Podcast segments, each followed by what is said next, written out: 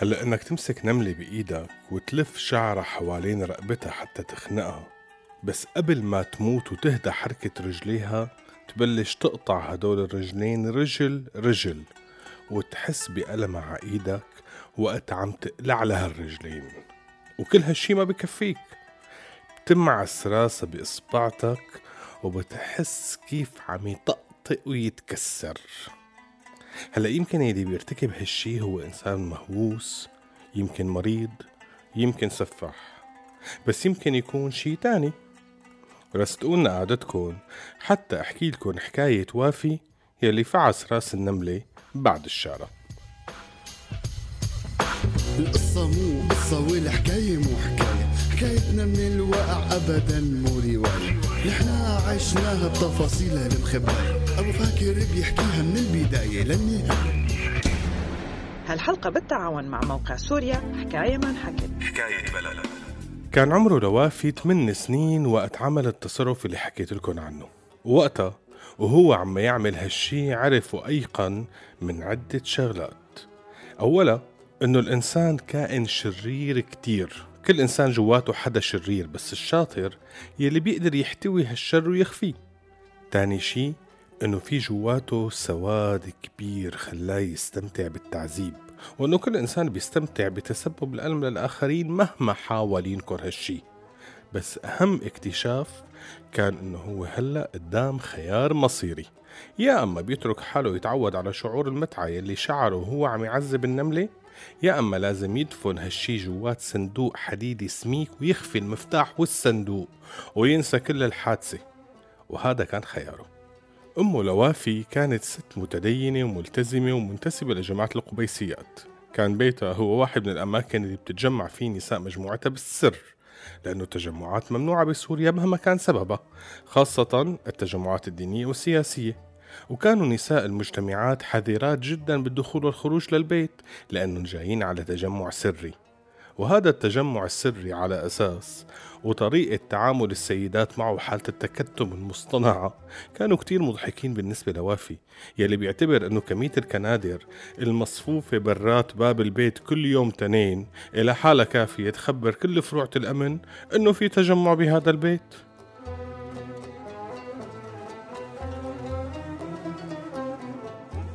وقت كان صغير ومسموح إنه يحضر الجلسات مع النساء كان يستغرب شكل أمه ورفقاتها. كانوا يستغفروا الله وهن عم يرشفوا ويبكوا. فسأل امه مرة ليش أنتو خايفات؟ فردت الأم عليه هذا مو خوف هذا خشوع. قام سألها شو الفرق بيناتهم؟ فقالت له يا ابني الخشوع هو خوف من رب العالمين وتبجيل لحضرته. فقال لها في معناتها أنتو خايفات هذا خوف. قامت قالت له سدني عك وقوم جيب لنا العصير يلا.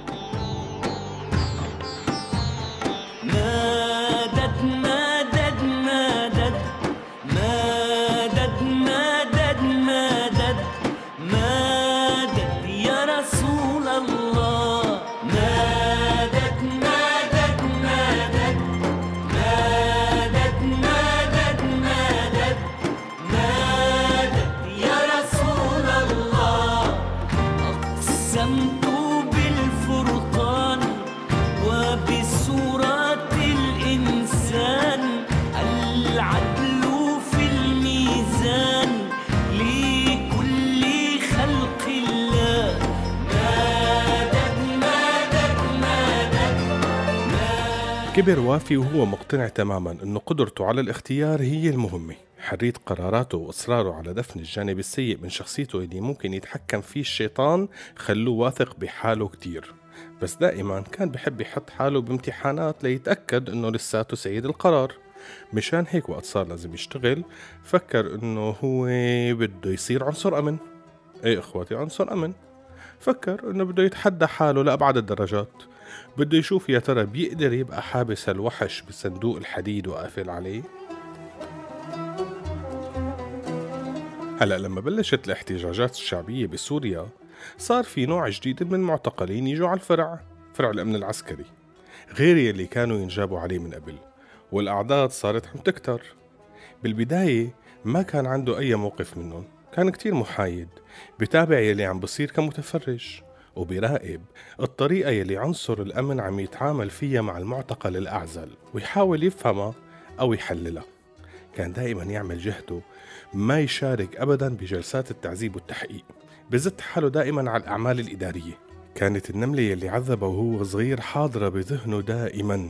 يمكن كانت ملاكه الحارس يلي حماه من إنه يتورط ويضرب حدا من المعتقلين. أو كانت تدفعه إنه يتدخل بلحظات ويقطع السجان إنه يخفف من الضرب لأنه ممكن المعتقل يموت بين إيديك بلالك وجعة هالراس خلي غيرك يبتلى فيه. بس هالكلام ما كتير كان يخفف من استمتاع السجان بتعذيب ضحيته لأنه المتعة بتتحقق أكتر ببقاء الضحية عايش. متعة السيطرة والإذلال متعة كسر النفسية. كان ينتبه كيف لما يفقد الجلاد السيطرة ويطلع الوحش اللي جواه. كان يشوف عيونهم كيف تتغير وهن عم يضربوا. بس بنفس الوقت كان ينتبه لنظرات المعتقل للجلاد لما يكون الجلاد من دار عنه. كان يشوف وحش تاني عم يولد ويتغذى على الكره والعذاب.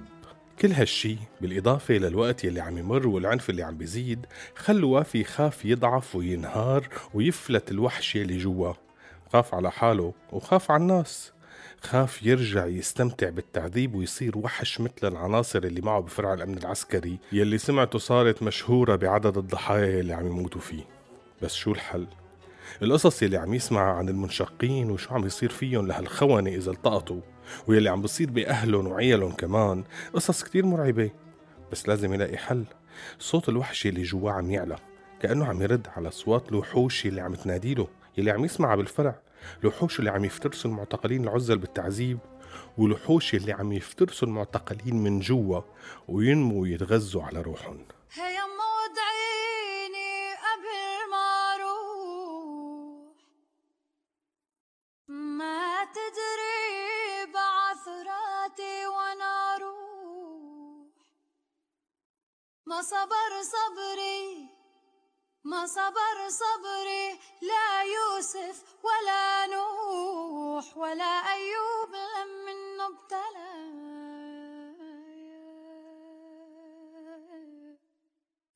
طير الحمام وقال هن. ما غير حوالي غير هن. رب البيت يجمعني أنا وهن. يا جماع غيمك بالسماء. بليلة من ليالي صيفية 2014 طلع وافي من الفرع وريحة الدم والموت معبية أنفه وروحه وشالت له دماغه تماما. طلع هو مقرر إنه خلاص ما عاد في رجعة. لو شو ما صار ما عاد يرجع لهالمكان. وهو ماشي قربت سيارة منه وسأله يلي فيها قد الساعة معلم؟ نزل وافي راسه ليشوف الساعة قام فجأة بتجي ضربة على راسه بتفقد له الوعي. بعد فترة فاق لقى حاله بصندوق سيارة حاول يصرخ ينادي بس ما حدا رد عليه. تمه مليان دم بزقه استفرغ من الضربة والريحة والقوة. بعد شوي انفتح باب الصندوق وإجا واحد ملتم سحبه منه وزته على الأرض. التموا عليه مجموعة من الشباب الملتمين وبلشوا فيه ضرب. هو عم يحاول يدافع عن حاله بس ما حدا عم يرد عليه. سمع صوت تكسير عظام صدره من كتر الضرب. يضربوه ويقولوا له والله لنموتك لسه ما شفت شي. يلي عم تعمله بالناس جوا حتعيشه هون. انت نجس عنصر امن نجس وكمية كبيرة من المسبات. وافي يحاول يصرخ ويقول يا جماعة أنا ما عذبت حدا. والله ما لمست حدا من المعتقلين. بس ما حدا يسمعه. ورجع غاب عن الوعي. لما فاق كان مربوط ومعلق من إيديه مشبوح على طريقة جماعة الأمن وقت بيشبحوا المعتقلين. وهون بلش يفكر بكل يلي صار معه. ليش هو اختار هالشغلة من الأساس؟ هل بسبب رغبته باختبار قدرته على لجم الشر يلي جواته؟ ولا مشان يحمي حاله وما يكون ضحية مثل غيره؟ تذكر همسات كانت تدور جواته دفعته لاختيار الوظيفة يا ترى هي همسات الشيطان يلي كانوا يحكوا عنه أمه ورفقاتها بالجلسات الدينية؟ ولا هذا صوت الوحش يلي جواه؟ الوحش يلي تحول واندمج بشخصيته ودفعه ليكون ضمن السلطة حتى لو ما مارسها مشان يستفيد منها ومن حصانتها. طيب وهي انقلبت الأدوار؟ شو الفائدة هلأ؟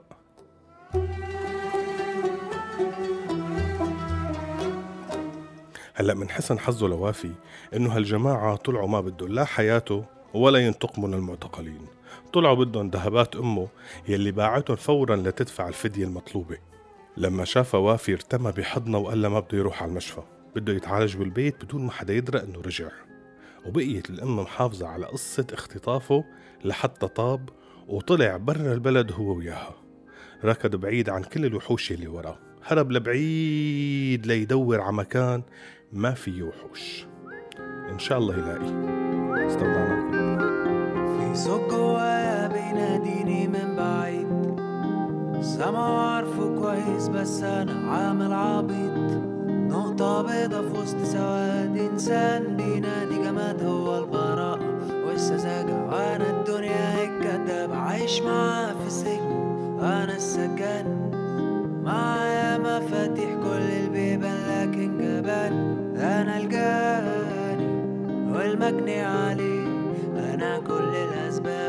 sabasale